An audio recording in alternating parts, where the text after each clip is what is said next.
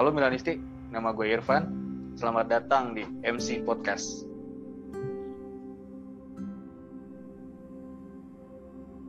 Ya, kali ini um, gue tidak sendiri lagi karena ada tiga mas-mas biasa aja yang nemenin gue. ada Bang Adril um, yang Nah, halo Bang Adril. Ada Bang Adi juga. Halo Bang Adi. Halo Bang. Dan ada Bang Gali. Halo Bang Gali. Halo. Assalamualaikum. Waalaikumsalam. Ini pada sehat-sehat nih. Sehat dong. Sehat, sehat. Sehat, dong ya. Mau menghadapi tiga laga besar tuh harus sehat buat begadang kan seminggu full nih. Siapin jamu, siapin jamu. Iya betul. Milan gak ada main jam setengah enam ya? Gak ada Gak ada yang main sore jam setengah enam itu kayak Inter kayak setengah enam ya? Milan main malam terus. Aduh. Pengorbanan Nah, buat kita kita. Makanya kadang kan Milanis itu mukanya tua-tua gitu ya. itu sih faktor utamanya sih kayaknya. Tua ya begadang mulu ya. Betul. Nah. Begadang itu lebih dari 10 tahun kebanyakan kan. Iya, Pasti dan itu kepala tiga semua. iya betul. Dan kebanyakan tak ada gunanya juga begadangnya. Yo, iya. Irfan belum kepala tiga kayaknya. Lu berapa Belum. nggak? Belum belum. Berapa umur lu? Jangan tanya umur di publik. Ya, ini kepala tiga semua ya? Tahu tuh. Umurnya baru 20-an padahal. Belasan. Umuran rebik ya? Leo Ya bang. bener. Jangan-jangan umuran tonali. Leo gue. Aduh. Ini kan em, Iya. kita udah nggak kerasa ya. eh, FIFA Matchday udah kelewat nih dua dua pekan. Seri A libur banget. Em, banyak juga nih para pemain AC Milan yang dipanggil. Di antaranya ada eh, Maignan, Prancis, Theo Prancis, Simon Kier Denmark, Benacer Aljazair, Paulo Torres Senegal, Salemakers Belgia, Calabria sama Florenzi ke Itali, Tonali dan Lizzari di Italia U21, dan ada juga mm, Maldini di Italia U20. Nih gimana nih Bang Adi? Eh, menurut lo siapa yang paling menonjol di FIFA Matchday kali ini?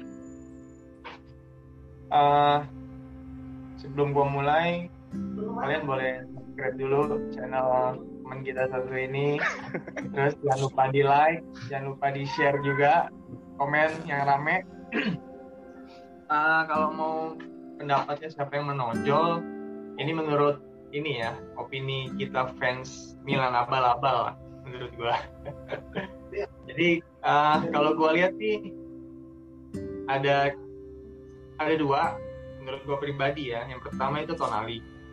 Tonali ini uh, dia kalau nggak salah satu pertandingan lawan apa gitu dia dapat dapat dua assist dari tendangan bebas. Nah ini uh, jadi catatan penting nih. Terus jadi harapan juga buat buat kita fans Milan. Tonali ini bisa dibilang uh, masa depannya Milan ya kan? Terus uh, dia punya hati juga buat Milan jadi uh, ya kita senang lah kalau dia punya prestasi di timnas. Walaupun ya walaupun masih U21 tapi uh, gua rasa dia udah mantep banget lah di sana. Udah kapten juga terus setiap servis dia selalu dipercaya. Dan dia bisa buktikan itu dengan assist. Menurut gua terus gue liatin uh, apa gaya gaya free kicknya dia itu sih bolanya sih emang nyusahin sih emang keren banget bola-bola yang nyusahin back lawan, nyusahin kiper uh, arah bolanya itu itu uh, keren banget buat seorang Tonali yang masih masih muda kayak gitu ya. Jadi uh, terus dia kapten juga, kapten tim di di umur yang masih muda dia udah dipercaya timnas loh, walaupun U21 dan itu gua rasa uh, jadi bekal buat dia nanti uh, waktu dia balik ke ke klub uh, main sama teman-temannya lain dia udah udah punya PD yang yang gua rasa luar biasa gede di diri dia gitu. Yang penting uh, keseharian dia benar latihan benar wah ini punya potensi yang besar banget. Gue sempet sempet berpikir dia nih bakal jadi uh, next kaptennya Milan mungkin ya di di bawahnya Calabria nanti mungkin musim ya mungkin dua tiga musim lagi kita bisa lihat kayaknya Tonali bisa jadi kaptennya Milan sih. Itu satu. Terus yang kedua gue soroti lagi itu Theo Hernandez bang. Seru nih akhirnya uh, setelah musim yang luar biasa dia bersama Milan musim kemarin akhirnya dia dapat dapat uh, kepercayaan dari Didier Deschamps walaupun kita sempat uh, fans Milan kan kayak gimana gitu sama Deschamps ini kan.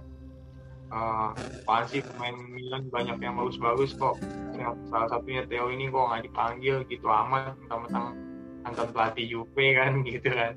Eh ternyata dipanggil loh gitu. Terus uh, pertandingan pertama lewat dia cadangan full.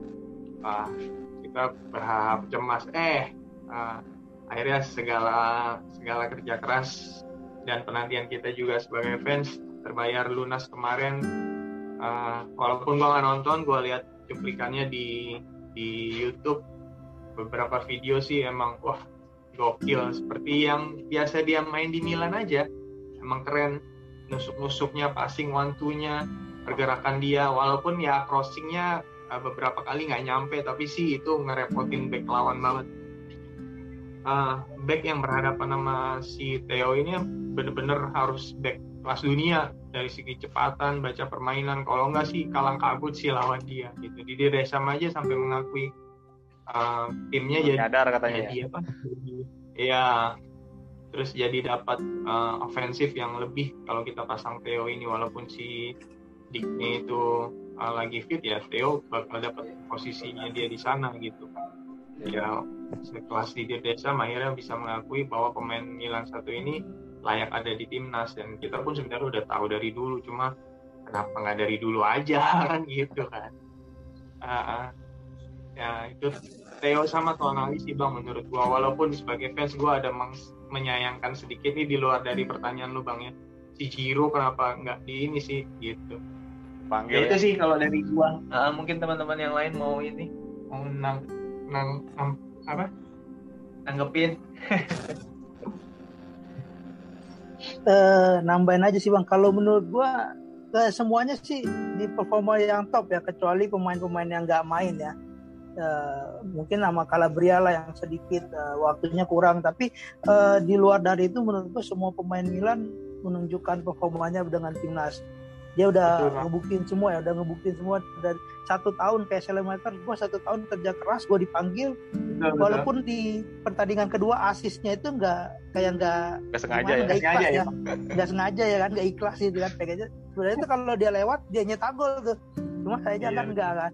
Nah, cuman uh, gue lebih agak keluar sedikit sih dari pertanyaan gue sih malah berharap setelah mereka kembali dengan performa yang top ini dengan tiga pertandingan ke depan harusnya lebih gacor sih, lebih meyakinkan untuk uh, jeda internasional selanjutnya kalau mereka memang berhak layak, bukan hanya sekedar dipanggil karena performa yang sebelumnya, tapi karena sekarang emang mereka udah pantas untuk mengisi di posisi itu. Yo, iya. Sayangnya Krunic malah cedera nih kayak. Kayaknya sih semoga nggak kecapean sih mereka itu. Karena kan kayaknya pemain Milan tuh pada ini ya, pada ringkih sih ya Iya nggak sih? Ngerasa nggak? Jadi iya. beberapa match itu kayak kalau kayak padat-padat ada beberapa match yang padat gitu pasti ada aja entah cedera entah gimana. Kayak musim ya, lalu ya. Gitu aja, ya mudah-mudahan enggak. Tapi sebenarnya nah, gue kayaknya... tuh selalu selalu berharap Mike Nan itu siapa gimana sih nyebut nama dia itu? Mainan. Kalau orang Itali nyebutnya Menyong bang. Menyong. Menyong. iya gue berharap. berharap iya gue gue pingin tuh dia tuh debut gitu sama timnas. Cuma kayaknya Loris Loris itu masih berapa tahun sih? 34 ya? Sekitar 34 tahun. Ya 34 35 sih. Piala Dunia sih kayaknya masih si Loris itu. Ya gue pengennya si Mainyon itu sih dapat kesempatan karena gue penasaran banget sama dia gitu.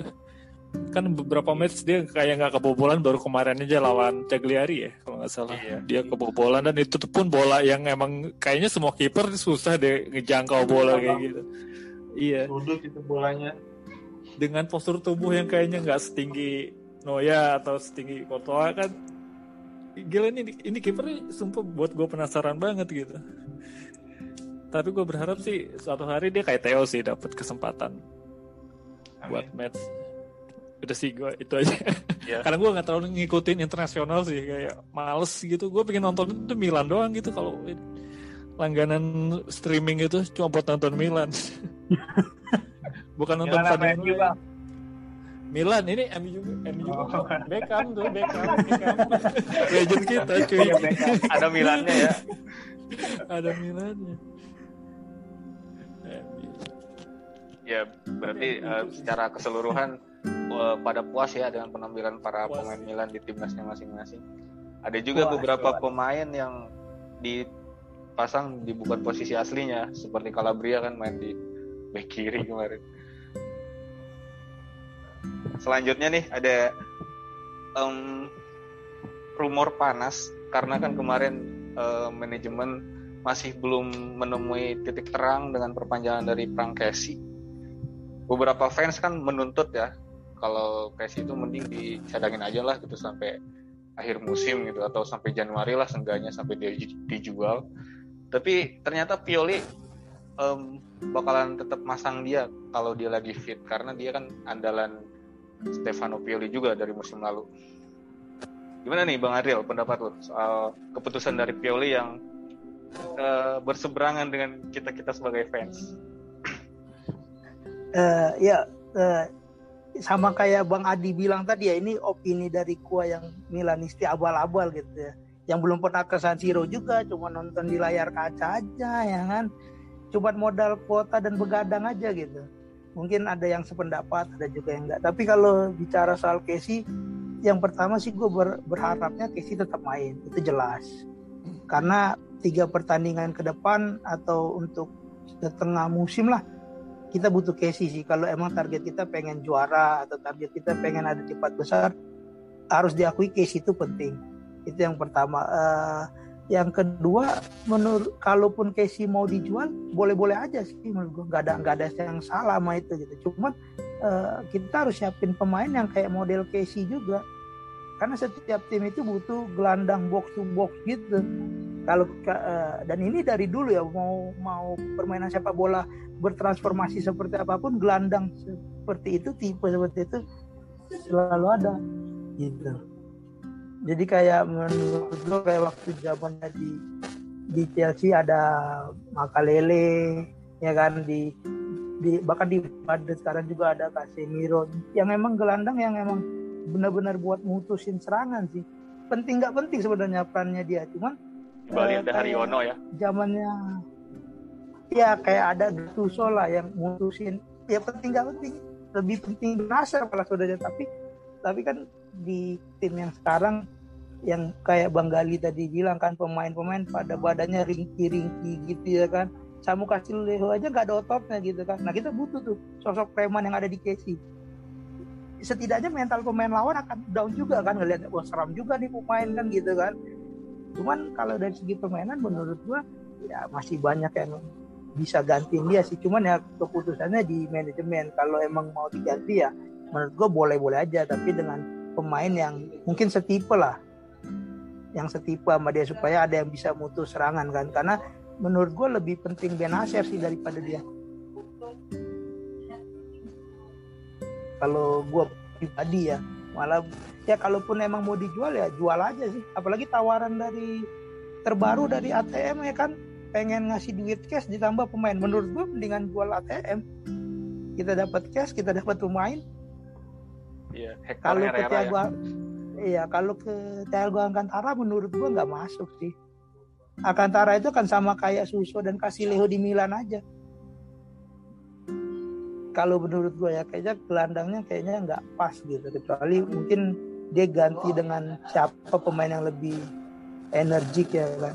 Kalau menurut gue sih gitu sih kalau menurut lo eh, dengan datangnya Bakayoko ini bisa sedikit um, mengisi peran Casey nggak bang? Uh, sedikit iya tapi nggak sepenuhnya. Karena kan Bakayoko tuh memang box to box ya sama kayak Casey tapi nggak segahar Casey gitu. Uh, Bakayoko tuh kalau kita lihat waktu musim semusim dia dipinjemin di Chelsea ke Milan aja dia nggak apa ya ngepresnya juga nggak nggak press press banget lah. Masih ada ruang ya kan?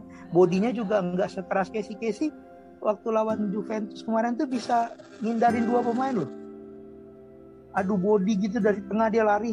Iya. Yang dia muterin bola belakang gitu kan. Itu Bakayoko udah jatuh. nah mas, iya kan. Nah, sekarang iya. masalahnya kita butuh pemain yang agak kuat di tengah kan. Karena karena kita punya striker tua, otomatis kita butuh pemain tengah yang kuat. Kalau pemain tengahnya nggak kuat, menurut gua nggak nyampe bolanya ke belakang. Karena striker kita nggak bisa kita ajak lari juga kan. Ibrahimovic tinggal nunggu bola. Giroud 11 12 ya kan lebih panjang lah napasnya dikit tapi nggak nggak panjang-panjang banget. Pellegrini belum siap. Nah sekarang ya memang butuh gelandang yang kayak gitu sih kalau menurut gue. Tapi ya gue berharap Bakayoko bisa ngisi posisi itu. Oke Bang Adriel, um, thanks buat uh, jawabannya. Uh, yang lain ada yang mau nambahin? Mungkin ini sih ya. Kalau gue sih dari kan Pioli ingin tetap mainin dia ya. Kayaknya yang Pioli itu emang gak pernah peduli sama urusan di luar lapangan sih. Menurut dia sih, kalau menurut gue sih dia tuh kayak fokus ke taktiknya dia aja. Fokus sama kepentingan, sama kebutuhan tim dia aja. Dia gak peduli sama di luar. Anaknya rewel pengen naik gaji gak, peduli sih dia. Gue sukanya itu sih sama Pioli. Dia tuh kayak gak, gak tergubris sama sekitar dia gitu. Gue itu, eh, menurut gue sih gak masalah sih dia mau Casey terus juga apa dan Casey juga kayaknya emang saat ini emang dia salah satu elemen paling vital di Bakayoko nggak mungkin bisa kayak dia kalau Bakayoko itu cuma main, kayaknya di terlalu ke belakang dia mainnya nggak nggak nggak se kalau nyerangnya nggak kayak Casey gitu. Dia benar-benar dia box to box tadi dan dia tuh cuma apa ya lebih fokus ke bertahan aja sih dia mah nggak bertahan Casey iya belum gelandang bertahan banget dia. Mengerjakan job desknya sesuai dengan job desknya gitu. Dia tidak punya inisiatif lain dalam situasi tertentu gitu. Gue sih Casey gue dukung Casey siapa pun yang terjadi. Gue dukung Casey. Casey mania ya? Beneran nih ya dia mau mau pergi mau nggak gue yakin Milan Milan tetap Milan gitu tanpa siapa pun yang datang dan pergi kan Milan tetap Milan sih dari dulu juga gitu sih. Ya di pertandingan seperti itu, kita memang butuh dia sih. Iya selalu butuh dia. Pioli itu pelatih bang soalnya kalau di di Italia itu kan iya. beda sama di Inggris ya. Jadi pelatih itu nggak ngurusin transfer gitu-gitu. Pokoknya hmm. jadi pemain yang yang ada ya udah dia selagi dia bisa pakai ya dia bisa pakai buat yeah. buat keuntungan tim buat hasil yang yang bisa dia raih. Jadi dia nggak peduli itu mau negonya kayak apa mau itu ya kita kan sebagai fans kan ya kita owner juga kita manajer juga kita pelatih juga jadi kita maunya bangku cadang aja setahun biar tahu perannya berganda ya perannya iya, ganda bang. kalau kalau fans gitu bang gitu. owner juga semuanya kita pokoknya Enggak yang takutnya Lanjut, kalau Casey di kalau Casey dicadangin yang masuk unik. Iya kalau performanya sesuai dua pertandingan ah, iya. sebelumnya. Kalau kayak setahun lalu wah, caw nih, Kronik mulu iya, ya kan. Iya. Tapi untuk dua pertandingan Tapi, awal gua akuin Kronik bagus. Kronik ya. Kronik lebih kalau gua lihat sih kayak lebih main aman sih Bang dua pertandingan itu. Iya sih ya. Ada, ya ada satu kali doang dia berusaha nusuk. Selebihnya dia kayak main aman doang. Tapi kalau kalau ditukar Tiago sih, gue sih ngiler sih bang. Tapi jadinya jadinya kayak Tiago nggak bisa sama Benacer harus sama Bakayoko atau kalau mau pakai empat tiga tiga bisa tuh Bakayoko, Benacer sama Tiago. Tapi jadinya Berarti ya empat tiga tiga buat empat dua tiga satu lagi ya. Strikernya nggak bisa Ibra karena itu bolanya pasti dikasih lari kan. Ibra nggak mungkin lari. Gitu. lanjut bang. Lanjut bang. Oke lanjut aja lanjut aja. Ya berarti untuk kita para para Milanisti yang abal-abal ini kayak sih ya udahlah mainin aja ya nggak ada masalah mainin untuk, aja lah. untuk status dia apalagi, yang perpanjang apalagi lawan Liverpool ini kan wajib main lah. Iya sekalian promosi ya. Iya. Iya iya prom dia juga main juga kan buat promosi juga promosi dia juga kan. Iya kan katanya mau ditukar Alcantara. Kayak Hakan iya. Promosi di Euro.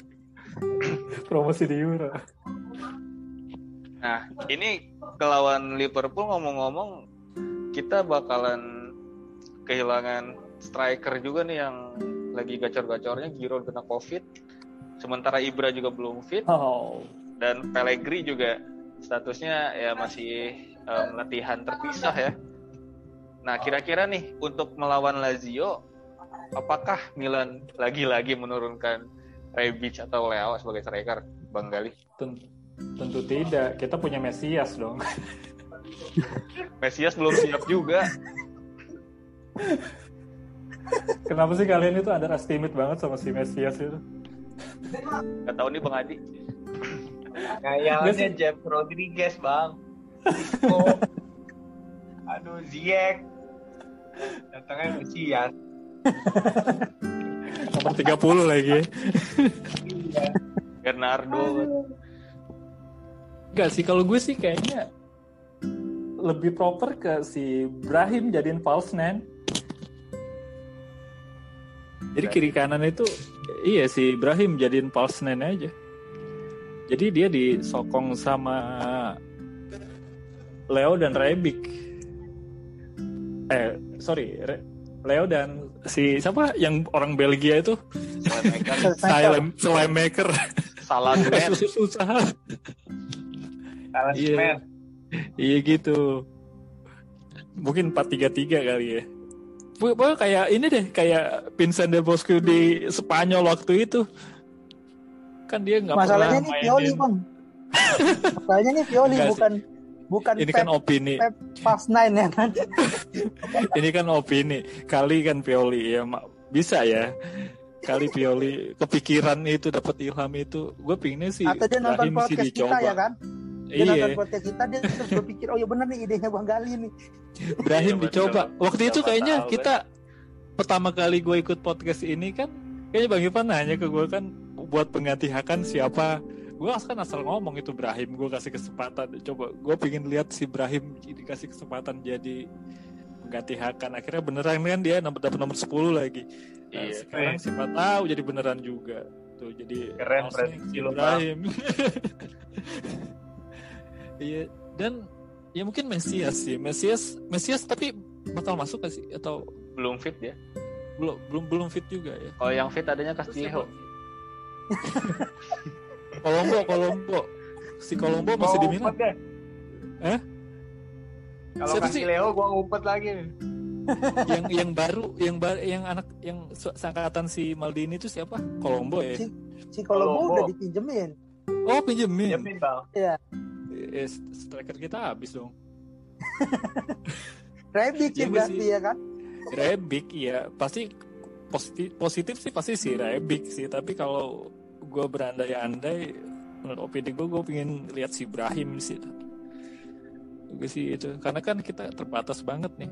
Tapi sih semoga si Giroud udah bisa main deh. Si Giroud. Kayak dia itu kalau covid itu kan dia bukannya kayak gue baca berita di mana gitu dia dia punya peluang sih buat bisa main. Gue oh. di mana gitu ya? Di postingan lu kayaknya nggak dia kayak pernah posting ya? Dia kan belum itu belum apa? Kayak belum selesai isomannya oh 14 hari ya harus ya? Iya. Kalau di sana ya? Iya sih soalnya Italia kan pernah kayak lebih buruk dari Indonesia juga sih. Ini pernah lockdown total juga sih mereka iya Eropa kan malah MPC. duluan duluan parah dibanding Indo bang. Cuma di sana lebih beres duluan aja. Iya, iya. kita nggak beres-beres. Iya sih kayak Rebic sih. Pasti yang kalau pasti Rebic yang dipasang. Tapi kalau sih gue berharap sih si Brahim sih kalau Brahim jadi false nine berarti empat tiga tiga bang. Iya. pasti kronik lah yang empat tiga tiga iya. Malah false nine-nya kronik. False nine-nya kronik bang. dulu pernah loh musim lalu kronik tuh jadi false nine kalau nggak salah sekali jelek banget mainnya. Acong-acong kok. Bahkan kemarin Karena di, itu kita coba dia di jeda internasional dia pasangannya Jeko lornya. Untungnya cedera ya kan. Coba nggak cedera itu. Itu dia pasangannya Jeko. iya dia jadi striker katanya. Iya itu udah masuk line up malah cedera dia. Tapi kalau amannya sih menurut gue sih si Rebic sih bang. Iya mungkin kalau, itu kalau, kemungkinan besar sih jadi, Rebic. Dia kalau Walaupun jadi striker, panas kalau, ya kan. Iya kalau lawan tim gede dia lumayan juga. Musim lalu kalau lawan Juve dua gol kan. Iya. Lawan Torino juga dia ngegolin kan. Lawan lagi akhir Bisa lah dia si Rebic itu. Iya karena nggak ada pilihan lain sih. Iya, ya walaupun pasti penyesuaian lagi si Brahim mainnya teman-temannya yang lain karena gaya dia bukan bukan striker murni yang jadi wall kayak gitu. Jadi iya, dia lebih iya. ke complete striker gitu kan cara dia nerima cara dia apa terima bola cara dia balikin badannya beda banget sama si Giroud dan Ibra. Ya penyesuaian lagi lah pasti. Raju lagi. Oh, gila di puncak klasmen ya mereka ya? iya. Lagi di puncak mereka itu. Sembilan gol ya, ya? dua game ya? Dia Sari ya game. pelatihnya? Milan apa tujuh ya bang? Golnya. Milan. Golnya Milan lima lima selisih empat gol ya? Lazio. Iya lima satu. Lazio tujuan. Tujuh ya? tujuh apa sembilan ya tujuh ya? Enggak enggak nyampe sembilan tujuh apa delapan gitu target. Yang jelas sembilan tuh lima gol kemasukan baru satu gol kan jadi ya. selisih empat mereka. Di atas kita tuh Tapi... Lazio Roma Juve. Eh Inter ya? Inter ya? Inter ya? Milan keempat yang mantap tuh gini sih bang. Kalau misalnya Leo jadi striker Theo dijadiin sayap ya kan? Dia ngelihat Descap oh Theo bisa nih dijadiin sayap. Nah itu baru mantap tuh Pioli itu posisi Tapi kiri dicoba masih ini Bado. Tentu kalau tidak bisa Pioli ya kan? cuma ya gitu lagi kembali kan.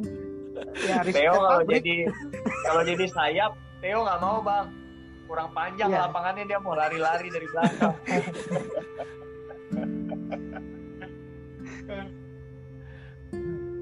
Bisa ya Mali nemu orang kayak gitu.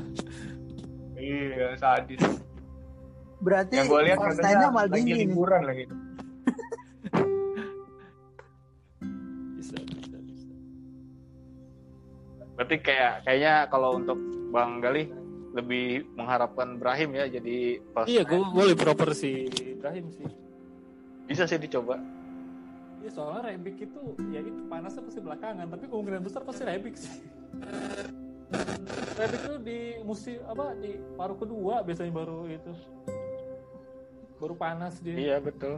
Gak tahu ya. Abis abis Natal kayak gitu. Iya. Ya, semoga enggak lah tahun ini semoga dia dari awal sih harusnya. Okay. Thanks Bang Galih uh, jawabannya ini kita karena waktunya mau habis ya ntar gue sharing lagi ya buat pertanyaan terakhir oke okay. oke okay. oke jadi kita matiin dulu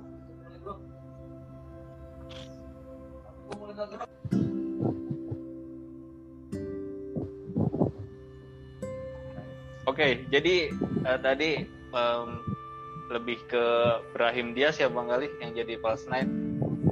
Padahal ya. Bang Bang Adi mintanya kayaknya Rebic deh yang bakalan dipasang ya Bang. Yoi. Nah selanjutnya kita uh, ngebahas soal ini nih pemilihan skuad Liga Champion dari AC Milan di mana Castillejo, um, Pellegrini dan Conte nggak dipilih nih yang tadinya awalnya gue rasa Kalulu yang gak bakalan dipilih karena kan stok back banyak ya tapi melihat lawan kita tuh bagus-bagus ya ada Liverpool ada Atletico Madrid dan Porto kayaknya pertahanan kita emang harus lebih kuat daripada ini serangnya gitu. Nah gimana nih dari pendapat kalian soal pemilihan squad UCL ini udah pas atau memang keliru gitu nggak memasukkan CEO? Kalau menurut gue sih pasti nggak uh, dari awal gue udah kayak udah udah apa udah nebak pasti Leo sama si Conti bakal tersingkir. Kalau Conti udah tahu lah kita. Pasti Leo ya kaget sih, kaget. Tapi yang yang sulit itu ya pas ada di Pellegrini dan Kalulu. Tapi kalau gue jadi Pioli juga gue pilih si uh, Kalulu karena di posnya Pellegrini itu kan ada si Ibra, Jiro, terus sebenarnya kalau kalau kalau dua-duanya Amin Amin kan kemarin banyak yang bilang kalau kalau dua-duanya ini kan udah tua nih kan gitu kan. Uh, gimana gitu. Nah menurut gua sih kalau kalau ketersediaan teknis masih ada Rebic dan si Leo gitu. Jadi uh, contohnya minggu ini aja kayaknya sih bakal si Rebic kan contoh nih dua dua dua pemain itu gak, gak ready. Terus si Pellegrini juga belum fit Ibra belum fit walaupun kemungkinan bakal dimainin jadi cadangan gitu. Jadi uh, keter ketersediaan teknis dari segi pemain di Pioli itu ada banyak di posisi itu sebenarnya. Ada empat di luar Pellegrini ya gitu. Jadi gua rasa ya uh, aman-aman aja sih gitu gitu nggak menurut gua. Nah bener justru backnya ini yang yang mesti mesti lebih kuat. Karena lawan kita tuh tadi kita ada di grup neraka lah bisa dibilang gitu. Itu menurut gue ya fans Milan abal-abal sekali lagi. Ya menurut Bang Adi um, ini udah squad yang paling mantep ya. Karena kalau lu lebih dibutuhkan daripada Pellegrini, Castillejo dan Conte. Ada yang mau nambahin? Ya, gue jujur kecewa sih harusnya harusnya nomor 7 tuh masuk sih ke squad. Karena di mana-mana nomor 7 itu menentukan nomor laki banget gitu. Ya kan harusnya aduh sayang sih tapi ya dari hati gue yang paling dalam gue juga bersyukur ya kasih Leo nggak masuk. Tapi ya eh, berharapnya jangan seperti kayak tahun lalu ya kan kita berharap Manzuki supaya bisa uh, apa uh, menambah daya serang. Ternyata Manzukiknya malah melempem jadi nggak berguna gitu dia masuk. Yeah. Itu yang ditakutin sih sebenarnya gitu. Kalau seandainya tiba-tiba dia melempem dan kita nggak bisa ganti, harusnya Pioli ya, ya tapi ya balik lagi ya mungkin menurut Pioli ini udah susunan terbaik yang didaftarkan. Jadi ya sebagai fans layar kaca juga ya menurut gua sama sih kayak Bang Adi. Ya tinggal terima aja dan tinggal tunggu racikan dari Mister Pep Pioli inilah mengarungi tiga pertandingan ke depan. Kalau menurut gua sih gitu sih Oke, thanks nih Bang Adil. Bang Gali gimana Bang? Dapat lu? Kalau untuk gua gua gua optimis lolos sebagai runner up. Dan menurut gue status apa sorry squad yang gue baru lihat gue di Google yang baru gue lihat di Google tadi itu kayaknya cukup memadai buat ngelempar Atletico ke posisi tiga. Jadi bukan Liverpool ya yang dilempar ya? Bukan Liverpool ya yang dilempar ya? Jangan, jangan Liverpool. Liverpool itu yang lempar biar klub-klub apa dari pot-pot tiga kayak gitu tuh di babak 16 besar biar nyakit. Iya betul. kayak di no gitu. Jadi prediksinya menang nih lawan Liverpool nih menurut Bang Gali nih sama Bang Adi. Prediksi skor berapa di Liverpool Milan? Satu sama sih kayaknya. Satu sama. Iya. Kayaknya seri di di kandang Liverpool kayaknya seri bang. Gua layak sih layak disaksikan ya kan untuk membalas 2005 pedih loh itu. Iya iya iya benar benar. Itu 2007 itu kita menang tapi nggak nggak ini banget ya. Lepas ya. Tapi sakitnya 2005 itu masih kerasa ya walaupun 2007 menang ya enggak enggak itu kalau ada duri gitu di Gak ke 2005 itu. Kayak masih ada apalagi, gitu. apalagi masih muda kan itu trauma banget loh. Gue SMA itu kalau nggak salah ya. SMA gue dibully habis gue itu squad terbaik Milan kan? Waktu itu. Iya. dan itu berlangsung lama kan squad squad itu kan berlangsung lama sampai akhirnya banyak yang pensiun kan dari 2000 iya, 2012 pensiunnya. Pensiunnya kan barengan. Iya betul. Ya mungkin untuk untuk um, squad UCL pada itu ya udah pada pas lah ya gitu cocok untuk bisa iya, situasinya situasinya seperti itu sekarang kan iya. dari materi pemain yang dipunya ya itu yang terbaik Benar. sih yang siapa ya Mourinho kan pernah bilang saat ini yang apa pelatih yang puas itu cuma Pochettino betul betul betul Setuju, setuju. yang puas pelatih cuma Pochettino hari ini. Makanya kebangetan. Yang nggak puas cuma Dona. Juara UCL. yang nggak puas itu cuma Dona rumah dua dua pertandingan di bangku cadangan kan gitu. Tiga ya. Empat tiga loh. Empat. Oh, empat ya. Empat pertandingan. Apa-apa, yang penting gaji ya. gaji gede. Oke deh, uh, bang. Untuk pembahasan kita uh, sepertinya udah selesai. Gue ada games nih terakhir nih. Gamesnya uh, adalah um, dimulai dari bang Ad Adril ya, bang Adril yeah. ke bang Gali dan ke bang Adi terakhir. Muter gitu. Kalian nyebutin nomor um, punggung AC Milan dari nomor 1 sampai nomor 11 kan Bang Adil satu Bang ya? nomor 2 Bang Adi nomor 3 ntar nomor 4 ke Bang pemainnya. Iya pemainnya. Pemainnya. Iya. Oh, pemain yang sekarang berarti ya yang yang mana aja terserah. Oh gitu. Nomor satu uh, gue nempatin Dida sih. Dida. Nomor dua Bang Gali? Nomor dua Kafu lah. Nomor tiga gak ada lagi bang. Nomor ini ya. Nomor empat? Nomor nomor empat Albertini. Nomor lima siapa ya? siapa Milan Helvek Thomas Helvek iya gak sih? Helvek nomor lima. Iya. Helvek sempat iya. nomor empat soalnya bang. Oh gitu tapi uh, nomor lima ya? Gue nggak tahu gue lupa. Nomor lima Milan itu nggak terlalu menonjol. Bang Adi siapa? Nomor lima? Baresi. Eh oh, enam ya? Gue enam ya? enggak Baresi enam. Baresi enam. Oh gue nomor lima. Nah. lima siapa ya iya kan aneh kan nggak ada kan karena Faro tuh lima emang kayaknya nggak menonjol deh nggak menonjol benar Gue sih Hellfact gue, gue googling ya. Musim ini aja apa ya nomor 5 ya? Musim ini si Valdo Balde. Valdo Valdo Balo itu. Oh, Balo. Ya, Balo nomor 5 musim ini. Terbukti lah kita fans sama laba. Dalot juga Jangan bilang. Oh iya. Bonaventura. Oh, jangan iya, bilang no, jangan bilang nomor 5 Mesba ya kan. Ambil Mesba. Konstan itu nomor 4 kalau nggak salah ya. Kevin Konstan ya. 20 20-an kalau nggak salah Konstan itu. Oh, 27. 27 oh, Konstan. Apa lo ya nomor lu ya?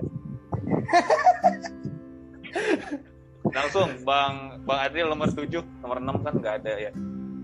Nomor 7 sih gue udah pasti lah ya namanya si Bang Adi Castilejo. Castilejo. Bang Gali nomor 8. 8 pasti Gattuso lah. 9. 9 Inzaghi. Inzaghi. 10. Nomor 10 nom nama gua Boateng. nomor 11 itu Gilardino. Jordi oke. Berarti cuma cuma mentok di nomor 5 aja ya? Helvek itu Helvek itu nomor 2 gua gua lihat di oh jadi nomor 2 dia ya? Helvek itu nomor 2 dia pakai nomor 2 kapan gimana kalau kita kapan-kapan bahas Thomas Helvek ayo ayo kapan kapan ngebahas dia panjang loh soalnya dia pindah dari Inter juga iya, kan. ke Inter juga. Eh gimana kalau ngebahasnya pemain-pemain yang kayak Konstan Mesbah Castillejo gitu? Pemain yang ya. pemain yang diharapkan tapi nggak datang gitu ya yang datang ya kayak gini. Eh siapa pemain Kroasia itu? Yang katanya dulu the next Messi itu? Masih nggak oh, sih? oh Halilovic. Halilovic. Oh, Iya, si itu sih bang yang sebenarnya yang agak nyesel tuh yang master itu loh. Itu master. jago banget loh sebenarnya. Oh yang yang di YouTube. Ah, karena kan nganggur di YouTube doang itu. Iya ternyata kita, ternyata kita di prank gitu ya kan? Jangan kita si manajemen aja kena prank kan? Itu zamannya siapa sih? Zamannya si ini bukan? Fasone ya? Berlusconi akhir itu itu kasusnya sama kayak yang pemainnya Liverpool itu loh. Yang dia jago banget tendang bola jatuh ke tempat sampah. Padahal itu prank. Ada tuh cuma semusim juga di Liverpool terus dijual. Main ke Southampton langsung. Sama kena prank. Ya gue pernah baca deh kalau salah. Oke deh ya, ya, mungkin udah udah nggak ada lagi ya. Aman. Aman. Oke. Okay, um, gue uh, bang bang admin pamit. Bang Adi juga pamit. Bang Gali pamit. Pamit. Pamit saya pamit. Terima kasih teman-teman. Um, Forza Milan. Forza Milan. Forza Milan. Sampai ketemu di episode selanjutnya ya. Yoi. Yoi